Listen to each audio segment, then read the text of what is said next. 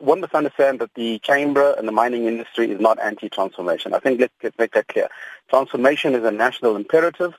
And uh, so what we wanted in this new mining charter was a transformation tool that was going to certainly progress transformation in the sector. We don't mind new targets. We don't mind stretch targets, but we want things that are achievable. So we don't think that this charter provides that. We think that this charter is certainly flawed in many respects and from a procedural and a substantive point of view, and that is why we're taking objection to the charter. Chabana sê hierdie handves is eensydig opgestel deur die regering sonder om die sektor in ag te neem. Just firstly on the procedural point of view, um, remember previous mining charters were negotiated settlements between the industry, trade unions, government. The first one and the second one.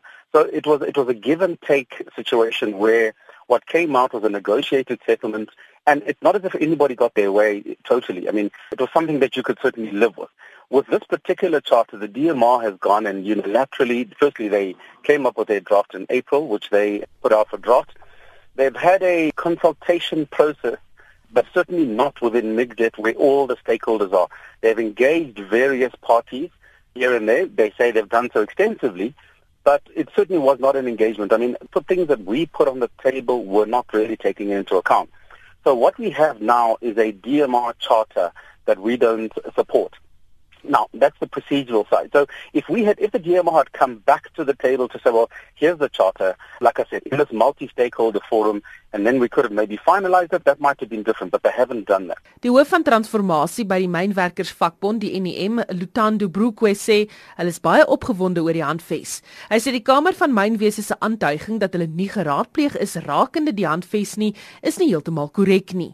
Been almost 18 months now in the waiting for the finalization of this mining charter.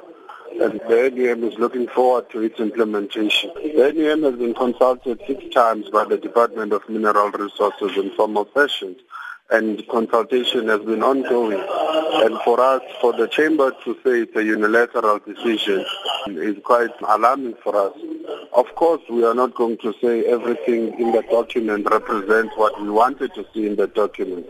But in a multi-stakeholder environment, and with interest as such, we can accept the document with what it has currently. Die EW de Klerk Stichting het by monde van Dr Teens Elof gesê dat dit nie vir hulle wil voorkom of die departement genoeg navorsing gedoen het oor hulle eie vereistes in die dokument nie. Elof sê verder dat die onlangse uitlek van die sogenaamde Gupta eposse 'n skade oor minister Zwane werp en wie regtig deur die handves bevoordeel sal word. Die minister wat dit wat dit geskryf het en weer voor het so mense net 'n bietjie verdag is in die Gupta leak kyk en dan wonder mense wie is nou eintlik die die beginsel is wat hy en en die mense die kornuite van Zuma daarmee bedoel. Minister Zwane het intussen gesê hulle sal die handves in die hof gaan verdedig. Well, the courts of South Africa do not belong to any one party.